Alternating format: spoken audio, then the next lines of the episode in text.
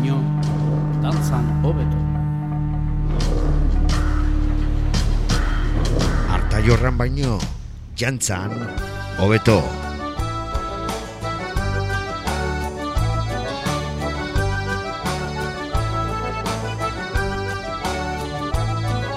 Baratzeko pikoak irutxoten... Tamen txegabiltza ba, betiko lez, basterrak nasten, Josu Zabala eta Isidro Elge Zabal, Zabal Zabalak garagu, zuen Twitterrak lertzeko prest. Hauze duzue, harta jorran baino, jantzan, hobeto, euskal musikaren lubakia, pim pam pom, Bilbo iria irratian. FM kolarogita puntu zeroan topatuko gaitu zue. Bilboiria.eus eta arroza zarean. Euskal Herrian zehar entzuten diguzuen ui ere, agur beroa. Iru txorten hoietan iru mila piku Gaur elkarrizketa eta lan berri batekin gatoz. Bera, barakaldotarra da, emakumea eta musikaria. Honezkero, zuetako batzuek, agian asmatu duzue. Gaur gurekin, iratxe mugire.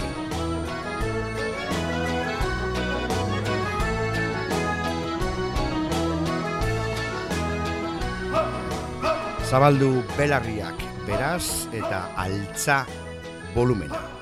Arta jorran baino, jantzan, beti, hobeto.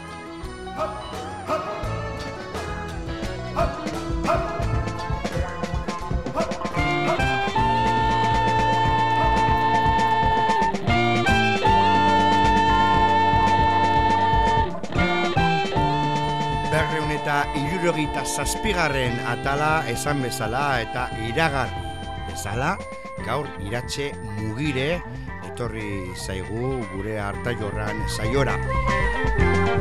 Neguan kaleratu zuen bere lehenengo lan luzea, lehenengo estudioko lana, La piel transparente izenekoa autoprodukzioa dena, alanda guztiz ere, aipatu beharko genuke 2008an e, maketa atera zuela Inis Fodla izenekoa eta ordutik iaia amarkada pasadela. Amar urte hauetan iratxe ala ere ez da geldirik egon. Eta hause duzue la piel transparente hau denbora guzti horren emaitza. Gaur gurekin iratxe mugire.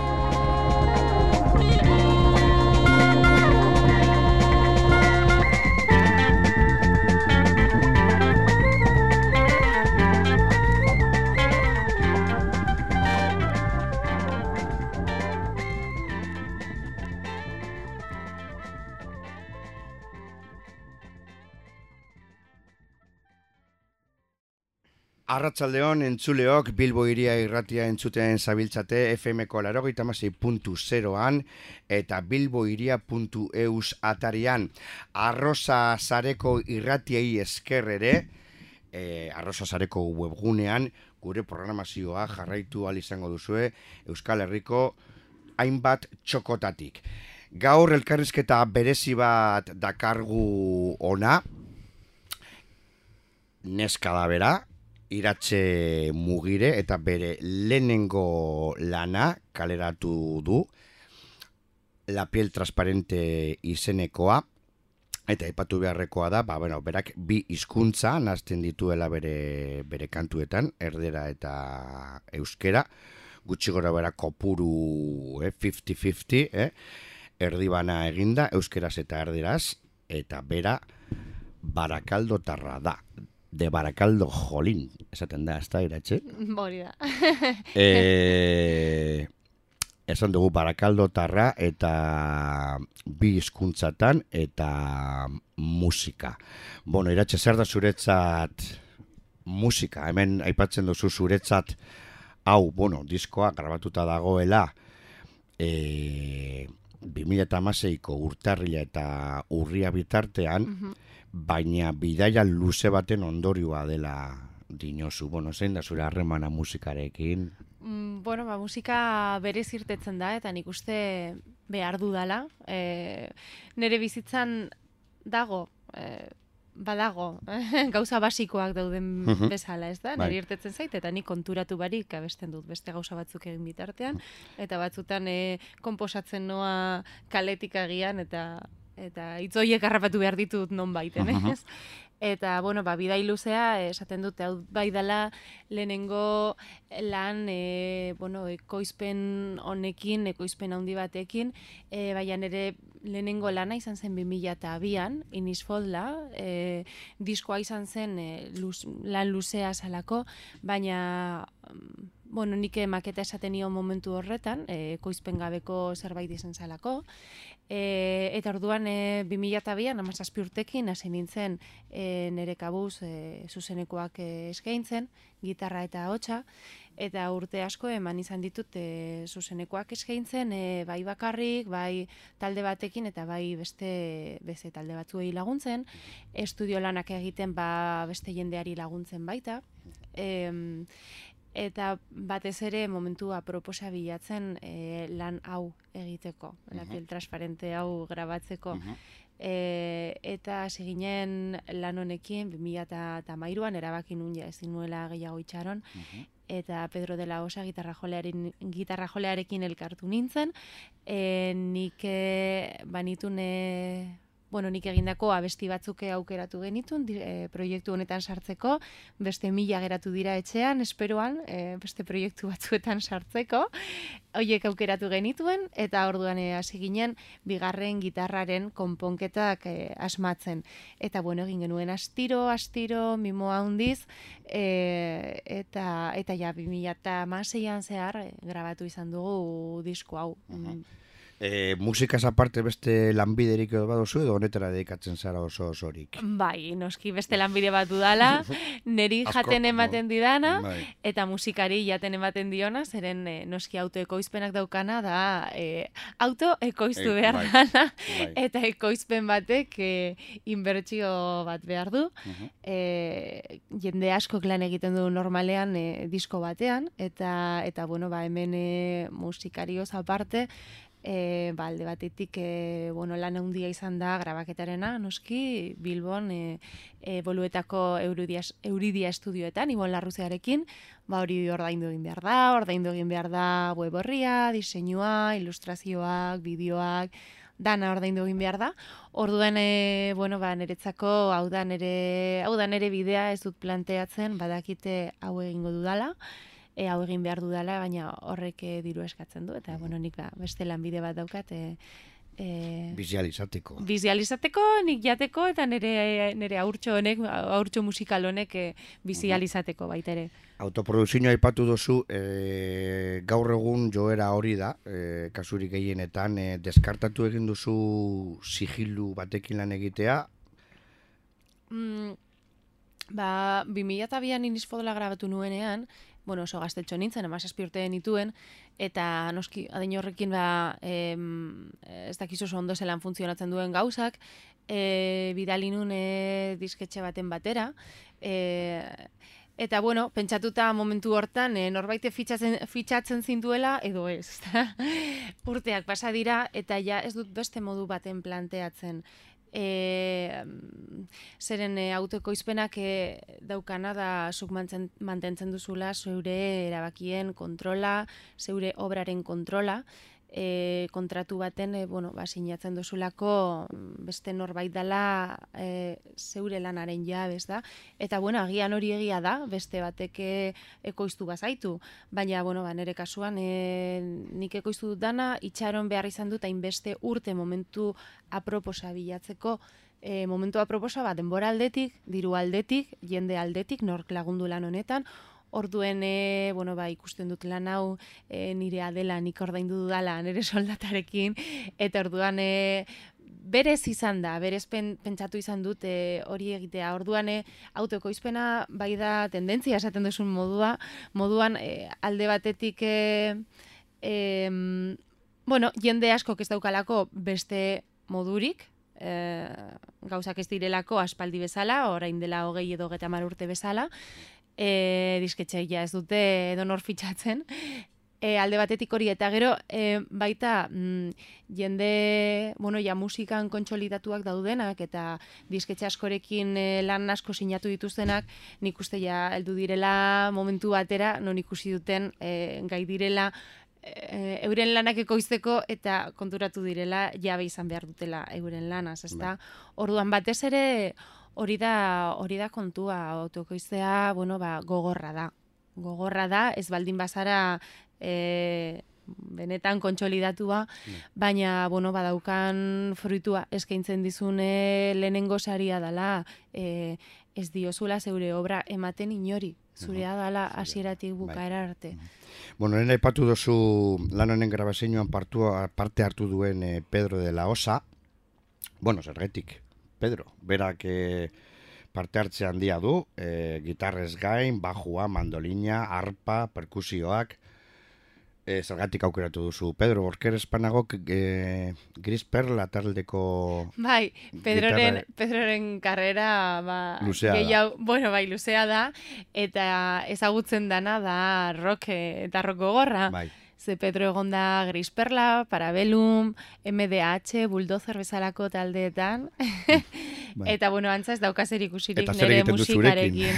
claro, baina gero Pedro, que, bueno, ba, denetarik jotzen du, e, eta eta bueno, ba, gaitasun handiak ditu konposatzeko eta mota askotako musika jotzeko bai. gitarran. Mhm. Eta, bueno, ba, gurutzatu zan ere bidean e, lutierra dalako, eta hierra daukas hon. Bai, nik uste Euskal Herri erdiak eramaten dizkiola berari gitarrak eta basuak. Mhm. Eta, eta, bueno, ba, baitan ere nik eramaten dizkion ere gitarrak, eta momentu baten komentatu nion e, 2008an hasi behar nintzala disko hau ja azkenik e, ekoizten.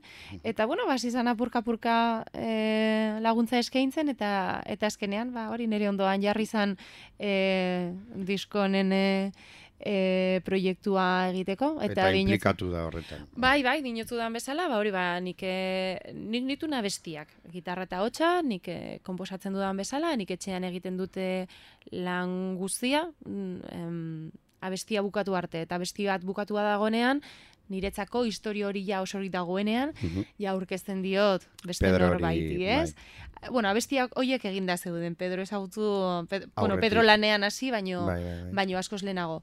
Eta orduan, ba, aukeratu genituen eta eta hori da tasi ginen e, konponketak e, egiten bere bigarren gitarrarako konponketak.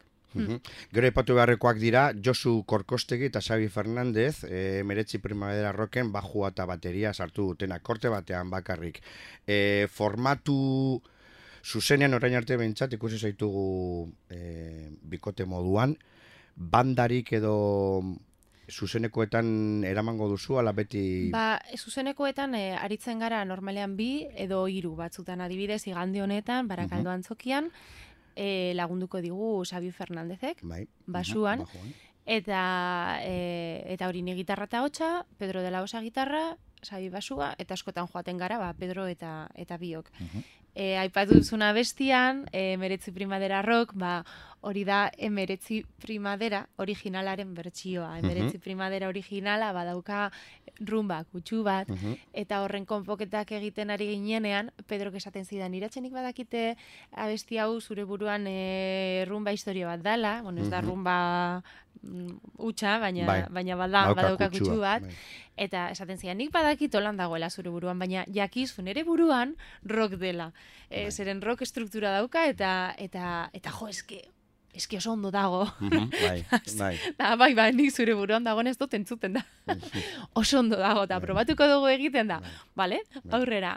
Eta orduan, ba, nahastu genituen Josu Korkostegi, parabelun taldeko bateria, eta Xabi Fernandez, e, Shakespeare taldeko basua, eta, bueno, ba, hor lagundu ziguten, eta eta oso ondo egon zan, e, e, bueno, ba, bigarren bertsi hori sartzea bonustrak bezala, gainera bideoa grabatu genuen estudioan, eta, bueno, niri rock, roka gustatzen zait, eta eta benetan e, ikusten dudala nebre burua beste urrengo lan baten, ba, rock egiten, lasai bai. asko, eta orduan, Bai, e, bueno, ba, e, berezia izan da eta eta posgarra izan da hau egin alizatea disko honetan, Mhm. Pedro esaten zuen bezala, bueno, jakiteko jendeak ez dugu larrok egiten proiektu honetan, ez dugulako nahi, baina e, baina aldo gula egin, ezta? bai. Eta bueno, ba, momentu ze disko haue aurkezteko zuzenekoetan joango gara bi edo hiru, eh, esan dizudan bezala, e, batez ere roka bestia bakarra dalako Bai. E, disko honetan. Baina, bueno, ba, ba ez dakit, geroan e, auskalo, ni, ni bai posarren egingo nukela rock, lasai asko. Bueno, iratxe, ba, lehenengo korte bat entzuteko sasoia heldu da, akur- aukeratu izu zeuk, kanta bat, Ba, aukeratuko Eta- dut, e, justo, emeretzi primadera rock horretaz hitz egiten e, egon garela. Vale, ba, pues eh, emeretzi primavera rock, zein bertxino, akustikoa, la bateria duna. Rock, rock, bestea da emeretzi Rock, primadera, bai, eta emeretzi duzu. primadera rock da. Vale, pues hori track. duguna, emeretzi primavera rock, iratxe mugireren azken lanetik, la piel transparente, osatu duena, Pedro de la Osa, Josu Korkostegi eta Xavi Fernandezekin batera.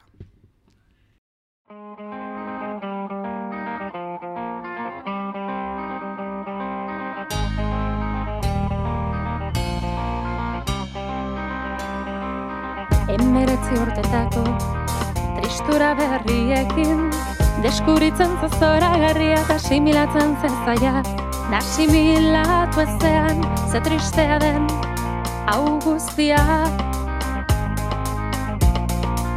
Diario berri bat hasi gura dut Aurreko ezerekin zer ikusirik ez duena. Zu barik adibidez, adibidez Zu barik adibidez Ismaelen doinua Zaurietan atzen bada Barriro abestu dut Barriro zure itzala. Satxe guzkitzu diren Urtarri egunetan Ilabete askoren ostean Gure munduaren katastrofearen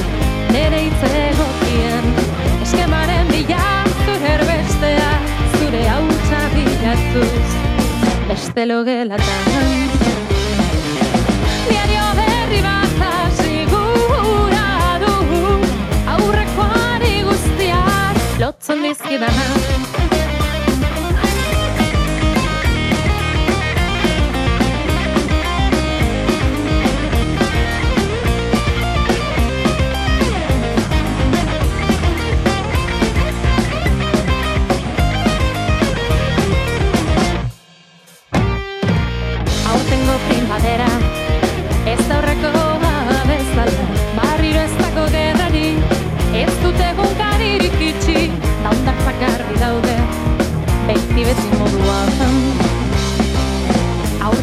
Zaretorriko bilbora Bisitan Tazelako diren gauza Enin duzun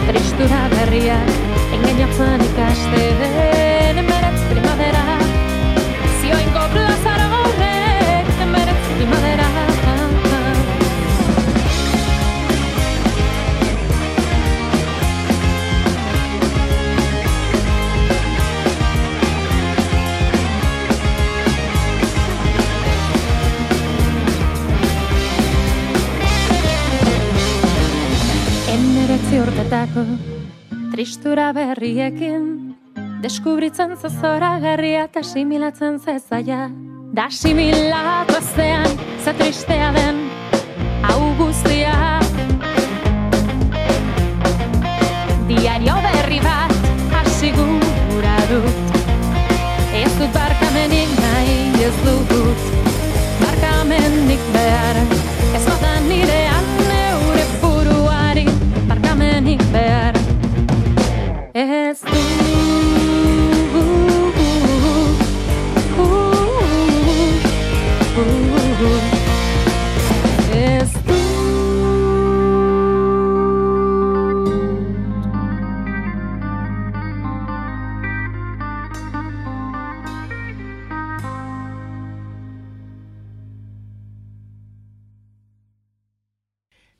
Emeretzi Primadera Rock entzun dugu iratxe mugireren azken lanetik, bertsio rockeroan, baju eta bateria eta guzti, alanda guztiz ere, esan beharra diskoa bere osotasunean e, akustikoa dela, ez duela sexino ritmikorik, Pedro La Rosaren gitarra eta iratxe mugireren gitarra eta hotza entzungo dituzu eta beste e, arreglu asko. Eta hemen gaude iratxerekin azken lan honetaz berbetan, la piel transparente, elebiduna, esan dugu, eta, bueno, iratxe, aipatu dugu, e, Bilbon, garbatu duzula, Euridia estudioetan, Ibon e, Larrusearekin. E, nolako izan da grabazio prozesua? Zuzenean grabatu duzu edana, ala atalka. Ahotsa eta gitarra... Atalka, atalka grabatu Atalka dugu. Bai, e, oso luzea izan da, grabaketa prozesua, e, bueno, bai, batez ere, ur- urtarritik... eh, urtarritik arte, bai, Bai. 2006an. Astiro, astiro. ordu. Astiro, astiro, alde batetik esan bezala, bueno, ba, guke astelentik ostiralera lan egiten dugulako, eh, gure lanbidea daukagulako, eta orduan, ba, eh, denbora libre guztia eh, aprobetsatzen genuelako lan egiteko. Bai. Estudioan lan egiteko. Orduan, bueno, luzea izan da, gogorra izan da, e, e, baita, bueno, ba, ordu asko sartu behar zirelako, e, nik e, baita lehen esan bezala, bueno, ba, beste denbora pasa izan dut, disko hau grabatu nahian, e, oso, e, ba, hori mimo handiz, kontu handiz grabatu nahi nuela, eta bai egia da baita e, ni nahiko perfekzionista nazela eta Mhm. gauzak nahi ditudala horrela eta horrela, ez da? Bai. eta, bueno, bai atalka grabatu dugu, em, esan behar dizut, e, lehen esan duzula bi, bi gitarrak eta hotxa, abesti batzuk diskoan, badoaz bakarrik bi gitarra eta hotxa, adibidez hotz edo amodino, e, baina beste askori sartu diogu basua, perkusioren bat, detailtsuren bat, baina seiatu izan gara detaile horiek eh, nahiko sutilak izaten, gero zuzenekoetan ez botatzeko asko faltan. Apropos egin dugu formatu hori diskoan, zen ere lehenengo ideia, e, proiektuarekin eh, hasi nintzenean, nire lehenengo ideia izan zen askoz gehiago instrumentatzea, instrumentu gehiago sartzea, eta, bueno, ba, bueltatxo bat eman genione ideia horri, e, bueltatzeko apur bat, e, bon, adibidez, ba, Silvio Rodríguez, Pablo Milanes eta eta olakoen e, tokira zeintzuek e, ahots eta gitarra batekin dana betetzen zuten, ez duzu eser somatzen faltan. E, e, hori, buelta hori eman genion eta elementu gutxiago sartu genituen diskoan, e, nik hasieran pentsatutakoak baino, e, batez ere, ba, zuzenekoak diskoari fidelagoak e, izan zitezen hori da, eta orduan, e, bueno, horrek baita lan handia eman zigune, konponketak eraikitzerako orduan, e, saiatu izan ginelako, ba, elementu e, gutxikin bailiatu ahal izateko, elementu gutxi horiek kalitate handikoak izaten. Eta bai konponketak e, konposatzerakoan, eta bai em, grabatzerakoan, ba, horrek e, lan handiagoa eskatzen du.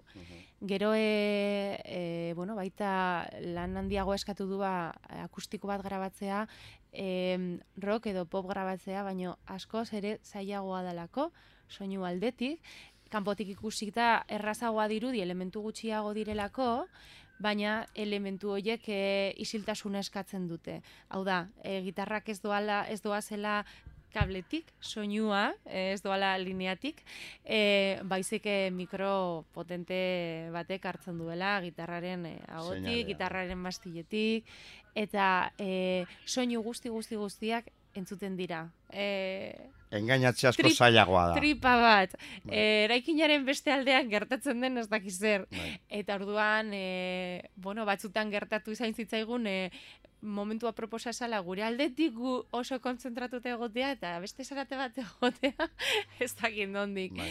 E, eta, eta bueno, bai, bai, kont, ni konturatu naiz, e, guztio konturatu gara, ez da? E, akustiko, akustiko bat grabatzea askoz ere e, lan gehiago eskatzen duela. Eta gero, bueno, ba, Ibon Larruzeari eskatu nionean e, e, ba, lan grabatzeko, e, mm, gauza eder bat izan da, ba, harrapatu, harrapatu zuela geure, geure ideia. eta eta bai asko posten nau lortu dugula e, lango gorraren ostean lortu dugula soinu garbi hori harrapatzea e, eta posten nauen norbaitek esaten didanean soinu honek buelta, bueltatzen soinu hau bueltatzen dela aspaldiko grabaketen soinura Mhm. ezta e, ez dela erraza, osea, erraza dirudi, e, hori da hori da apur baten gainua, hor, hau entzuten dozunean, badirudi gu kantatzen gaudela zuri ondoan diskoa entzuten dozunean, eta bat batean grabatu dugula. Bai. Eta hori da, mm, bueno, hori seinale ona da, Bai. Baina horren atzetik lan, lan asko Lan da, handia, orduan grabaketa luzea izan da, batzutan eh, gogorra izan da, ordu asko sartu behar izan ditugulako Mhm. geure ordu libretan, astelenetik ostiralera lanean, eta Bai. gero zapatu bat domeka lanean, eta gero asteleenean lanera bueltan, eta holan denbora askotan nik orain flipatzen dut, eh, bueno, ba, asteburu baten egun bat libre dudanean, eh, Li- ez dakit, libre daukat. naturara joateko, dino, Bai. buah, zenbat denbora, Bai, bai. Olako egun libre bat izan barik. Bai. Baina, bueno, ba, ba, ba oso pozik geratu naiz e, azkeneko emaitzarekin benetan merezi izan du Mm. lan handi honek.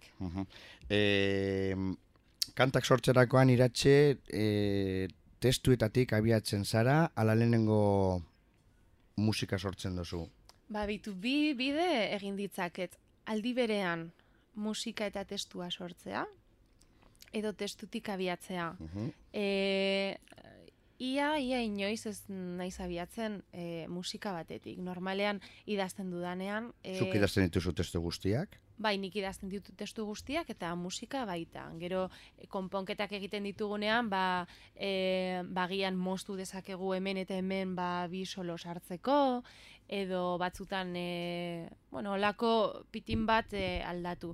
Baina nik sortzen dut niretzako istorioa dana, ezta? Trobadore baten istorioa da, bai, e, bai esaldiak, bai hitzak, eta bai musika. Zen niretzako musika hori ez da kasualitatea. Orduan, noiz baita eskatu izan didatenean, beitu iratze musika bat daukat, sartuko diozu letra, e, asko kostatzen zait, espada ezinezko egiten zaidala, zeren e, e, musika horrek badauka, badauka emozio bat, eta orduan nik kontatzen dudana, emozio horrekin joan behar da, eta agian kontatzen dudana ez doa musika horren emozioarekin, ez? Mhm. edo historiarekin.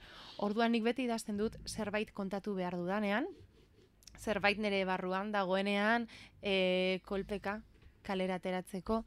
E, eta em, mm, momentu eta hitz baterako egiten dudan musika, ez da kasualidadea dinot, zeren mm, hitz bakoitzak bere musika eskatzen du.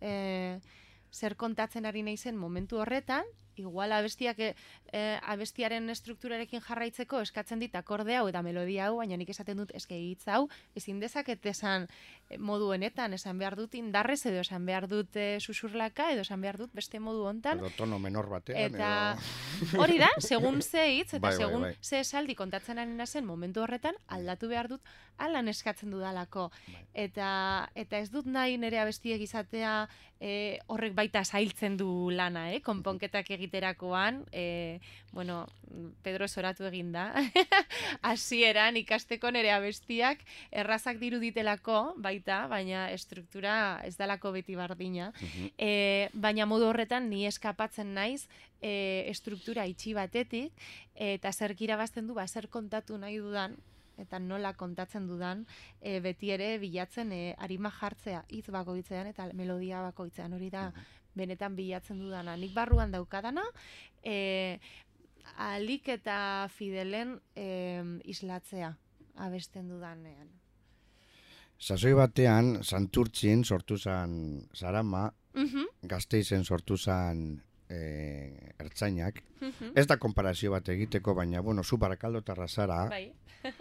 e, ez dakit paraleloak diren kasuak, baina, bueno, barakaldotarra zara eta erabaki dozu bi hizkuntzatan egitea, euskeraz eta erderaz. Mhm. Erabaki zenezaken inglesez egitea, edo dena euskeraz, edo dena erderaz. Mhm. Bueno, zergatik hartu dozu, suposatzen dut, erabaki konstiente bat dala hau. Em, bueno, esan behar dut, diskoan erdia dala euskaraz, beste erdia gazteleraz, Bai, eta besti bat dagoela galegoz. E, da eta ez da konsientea, gertatzen dana da, ni neure eguneroko bizitzan euskaraz eta gazteleraz bizi naizela, Euskeraz ikasi osuzuk. bai, Edereduan. Dereduan ikasi dut, bai. Bai, familia, bueno, a- aitaren partetik eh, aitit eta mama euskaldunak eta amaren partetik eh, kordobakoak. Bai, Em, bai horrezan behar da. horiek dira, bai, diskoan... A eh, Carmen y Paco, mi sangre cordobesa. Hori da, bai, aiei dedikatu diet eh, disko hau, Mhm. eta, bueno, hemen agertzen da Unaizokoren ilustrazio oso, oso eder batekin, e, bueno, disko fisikoan, digipakean, Bai. Oie dira Carmen Ipako, e, eta, bueno, bai, ni e, erdi e, Euskaldun zarra naiz, baina em, eskolan, batez ere eskolan ikasitakoa, txikitan, e, Eta, eta bai, nire egunegroko bizitzan egon dira Euskara eta Gaztelera, e, abestiak idazten hasi nintzenean, errazago e, idazten nuen Euskaraz, e, bai prosa eta bai abestiak, e, ba hori, amabi urtekin hasi nintzenean, eta gero, bueno, ba, purka-purka hasi zan e, Gaztelera, gehiago sartzen ere nire bizitzan, batez ere bizitza emozionalean, eta hasi ziren abestiak ere ataratzen e, gazteleraz. Mm, Nere lehenengo lanean, bueno, bai, nere lehenengo lanean bakarrik eh, momentu hartan uste dut bakarrik nituela euskaraz abestiak eta gero ba bestiak e, e, bi hizkuntzetan eta gero hirugarren hizkuntza baten irtena hala, e, ba zelan ez sartu guztiak e, disko baten e, zeren kon, mm, konstientea dana da aukera hau disko baten guztiak sartzea. Hau da, ez da konstientea e, edo bai, ez da konstiente, nik ez dut erabakitzen hau euskaraz egingo dut, hau gazteleraz egingo dut. Mm. Irtetzen zait modu horretan, e, irtetzen zait hizkuntza baten abesti bat em, modu horretan bizitzen ari lazera- nazelako bizipen hori, ezta? E, baina gero bai dela konsientea e, sartzea guztiak batera diskonetan. Zeren, zergaitik ez, horrela bizi, horrela bizi naiz, eta horrela bizi gara hemen, ezta? Eta, bueno, ba, harmonia hori e, bada, eta abesti, e, bo, abesti barkatu hizkuntza guzti horiek, badaukate tokian ere bihotzean, maite ditut hitzak e, hizkuntza guzti horietan, ez? Eta, eta bueno, ba, bai, alan da, alan da nere bizitza eta askoren bizitza, gaur. Bai. Eta galegos, esan duzu bat, amodino, izenekoa. Amodino, Galegos zergatik. Ba, denboraldi baten, galegoa ere egon zalako nere eguneroko bizitzan, Aha. urte batzutan, Bai. eta, eta bueno, erraz irtetzen zalako momentu horretan, orain ez nuke galegoz idatziko, ez dagoelako ja nere eguneroko bizitzan, baina momentu horretan, ba, eta beste abestiren bat ere badaukat galegoz, e, Mhm. oraindik ez dudana grabatu, Bai. baina bueno, ba, hor dago baita. Bueno, beratxe, beste kortetxo bat entzungo dugu. Zeuk aukeratu eta zaiguzu, bueno, test, testuak zer dinon, zer buruzkoa dan kantua. Ba, bueno, entzungo dugu La piel transparente, dalako eh, diskonen izena, eta abestian esaten dut, eh, y se hizo materia la piel transparente, y se hicieron carne mis líneas de fuego. eta niretzako, eh, eh, hori eh, alde batetik da ametsa materia egitea, ez da? Edo zein amets, edo zein eh, nahi izan dako, desiratutako zerbait, eh, hainbat arlotan, ez da? Eta e, niretzako, bueno, la piel transparente izenburua izatea disko honek e, gauza asko esan nahi ditu eta esan nahi du batez ere e, que se ha hecho materia. Azkenik e, hainbeste urtetan e, bilatu eta gero ba, azkenian e, lortu dudala eta hau materia bihurtu dudala. Bueno, ba, hori entzungo duguna, La piel transparente, iratxe mugireren azken lanetik, izenburu berbera daramana eta aski esanguratsua dena. La piel transparente, iratxe mugire.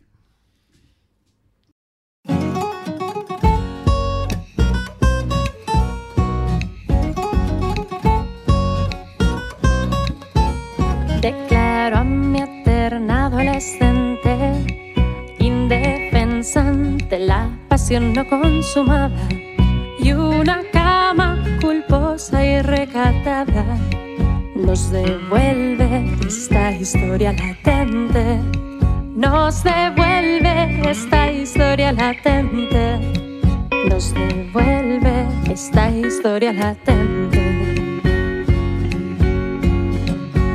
Guardamos una espina en las entrañas y enterramos un cordón umbilical.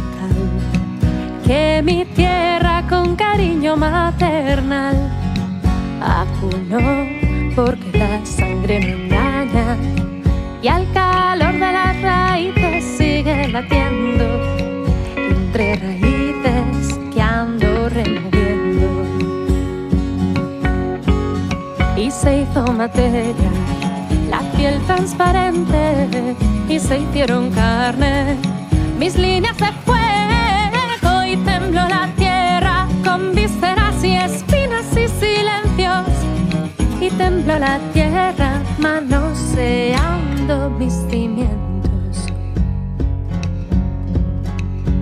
Y me das a beber de tus labios cada tacto antiguo, cada fotograma, desde la esquina misma de mi cama hasta el día en que fuimos niños sabios, hasta el día en que fuimos niños sabios, luz en la noche de nuestros niños, niños sabios. Y me dices que suena convincente lo que después no te atreves a vivir. Animalito tembloroso empieza a huir. No hay perdón para quien no ama de frente. Perdón para quien no ama de frente. No hay perdón para quien no ama de frente. Y se hizo materia la piel transparente y se hicieron carne mis líneas de fuego y tembló la tierra con vísceras y espinas y silencios y tembló la tierra manoseando mis cimientos.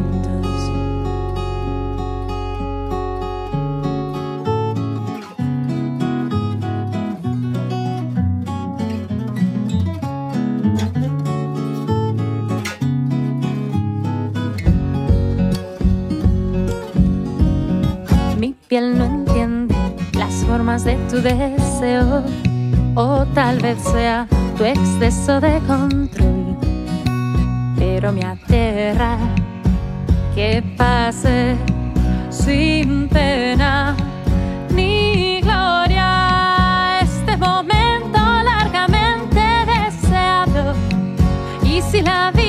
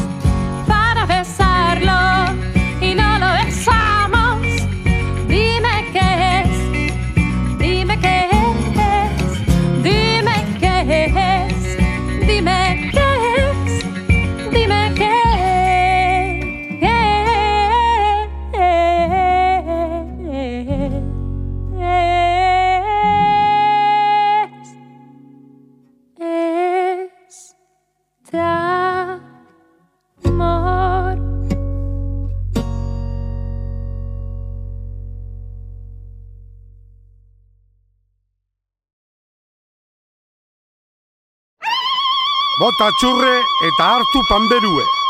Hau da euskal musikaren txokoa. Artai horran baino jantxan hobeto. Bilbo iria irratia. La piel transparente entzun dugu, e, mentxe gaude Bilbo hiri erratian iratxe mugirerekin bere azken lana ezagutzen, esan dugun moduan izen berbera daramana, eta Pedro de la Osa gitarra jolearekin grabatu duena.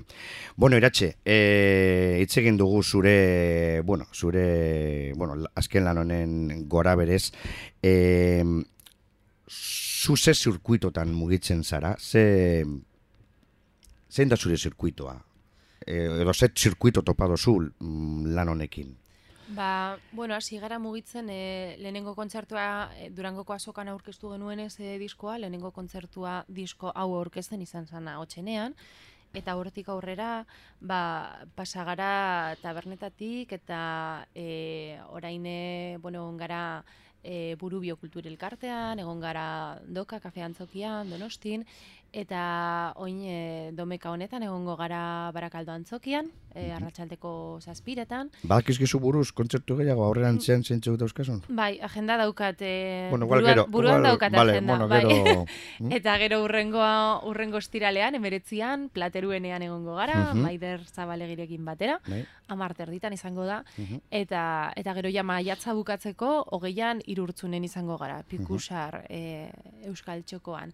Eta bueno, zirkuitua alde batetik e, tabernak dira, eta beste alde batetik, ba, kulturetxe, txoko, Bai, areto Holako txikiak. bai. areto txikiak eta bueno, ba, baita isiltasuna, isiltasuna eta errespetu hori e, e, Eskatzen dizutenak e, e, ba, bueno, ba, disko akustiko bat e, behar den bezala e, aurkeztu ahal izateko. Mhm. Bai, hori da geure zirkuitua. Bai. E, diskoa non dago eskuragarri?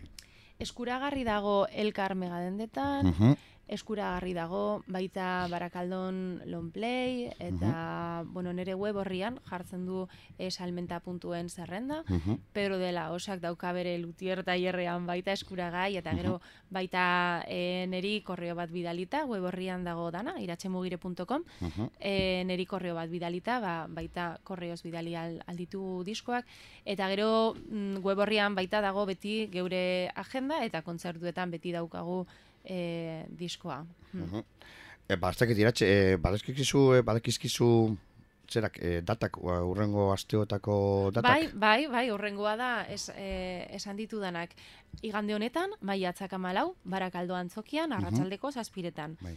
Gero urrengo estiralean, maiatzak emeretzi, plateruenean, durangon, gaueko amarter ditan, Maider Zabalegirekin batera, bueno, Maider Zabalegi baino, le, baino lehen, eta gero maiatzako gehi pikusar euskal txokoan irurtzunen arratsaldeko zazpitar ditan Nafarroan. Bueno, kontutxo bat utzi dugu aipatu barik, Bai. e, eta da aipatu duzu autorea, e, eta da diskoaren diseinua, bai? E, diseinu polita eta ederra Mhm. du, e, soila, e, oso sobrioa, baina e, Mhm. ederra, e, noren ardura izan da, irudi Ba, polita hauek. Bai, bueno, gauza desberdinak aipatuko ditugu orduan, ze ilustratzailea izan da Unai Zoko, oso gomendagarria da. Krisalida bat ageri da hemen, ez? Bai, e, triptiko bat da, Bai. disko fisikoa, Mhm. eta em, hiru aurpegi hoietan egiten dugu e, prozesua nola tximeleta bat bere krisalidatik ataratzen dan. Bai. Orduan, la piel transparente hori irudikatu izan dugu krisalidan bertan, Mhm. Eta prozesu hori ba niretzako garrantzitsua den ide, ideia bat e, nik eh, askotan sentitzen dudalako bizitza bakar batean hainbeste aldiz hil eta jaiotzen garela, ez? Nire bizitzan behintzat nik ala sentitzen dut. Ala Eh, zedino baita ere txuma murugarrenek. Ah, bai? Bet- ah, bon, bai, behitu, bai, bai. behitu, ah, komentatu beharko dugu. Eta orduan, ilu... hitz egingo dut txumarekin. Bai. e, ilustrazioak unaizokorenak izan dira, argazkiak e, nere osaba batenak dira, Juan León, eta gero diseinua kubetas, e, Raquel Sánchez e, beraren eskuan e, egonda diseinua, baita web horriaren diseinua. Orduan, e, jende askok e, ikusten duzun bezala, jende askok lan egin du e, historia honetan. Honetan. Bueno, ba, iratxe, ba, ez dakit besterik aipatzeko edo utzi dugun, zeo zer esateko... Ba, bi esker eta jarraituko dugu elkar ikusten. Mm, Bai, ongo, ara, bai, eskerrak zeuri, eta asko jo. Bi esker, Isidro. Bueno, eta bukatzeko parkatu Bai, beste, esan. beste bat entzungo dugu, ez da? Vale. agurtzeko ja aukeratu zeuk, zein izango dan, eta... Venga, baintzun dugu bat euskaraz eta bat gazteleraz, baintzungo dugu amodino galegos. Amodino entzungo dugu, galegos, iratxe mugirearen azken lanetik, la piel transparente. Eskerrik asko iratxe eta ondo ibili. Zuri, besarka handi Ba, bat. bai, bardin.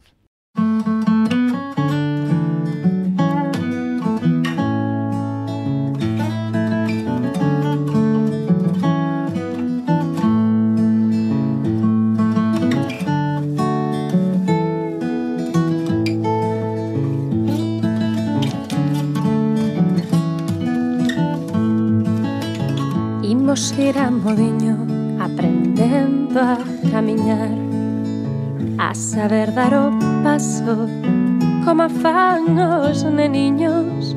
Imos ir a modiño Aprendendo a camiñar.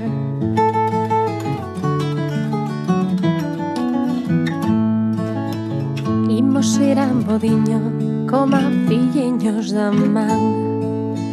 Canto quero te canto medo me dá Imos ir a modiño coma filliños da man. E cando tremo sei que intuín ben Que non fai falla máis pro de quen és. E cando tremo sei que estou no certo. Es camiño bo, uh, -oh canción aberto.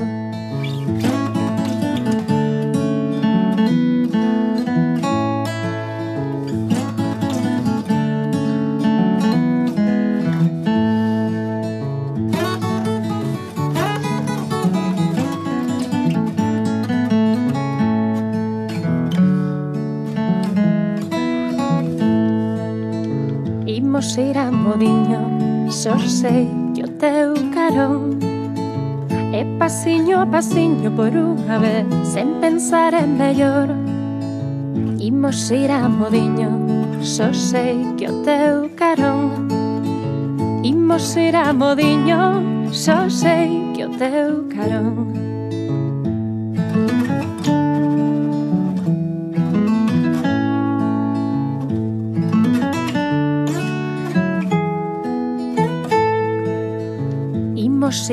comodiño coma filliños da man. Canto quero te canto, canto medo me dá Imos ir a modiño coma filliños da man. Imos ir a modiño coma filliños da man. E cando tremos sei que intuín ben que non fai fallar pro de quen es. E cando premo sei que estou no certo Es camiño bo, uh, es peito aberto E cando tremo sei que intuín ben Que non fai falla, máis proba de quen es. E cando tremo es camiño uh, uh, es peito aberto.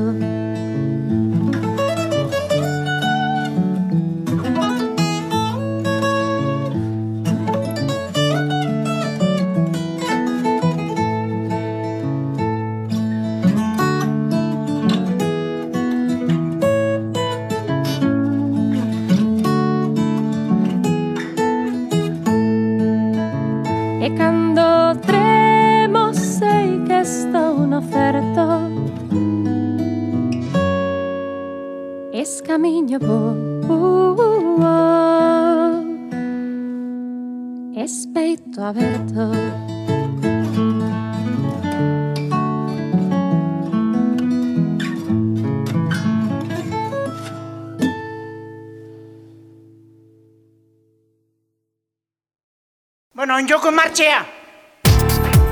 Lagunok, gure Mauriziak dinon modun, eatoku eta bagoaz.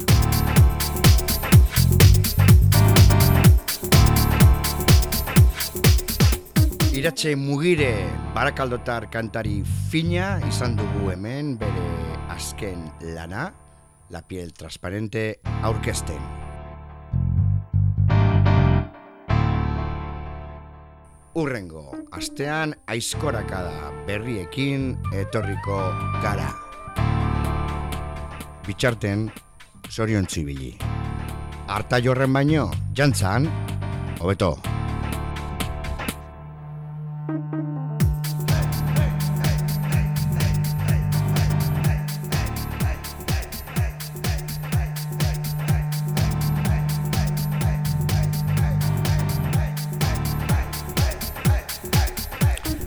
Artaiorran baino, jantzan, hobeto, euskal musikaren lubakia, pim pam pum, Bilbo iria irratia.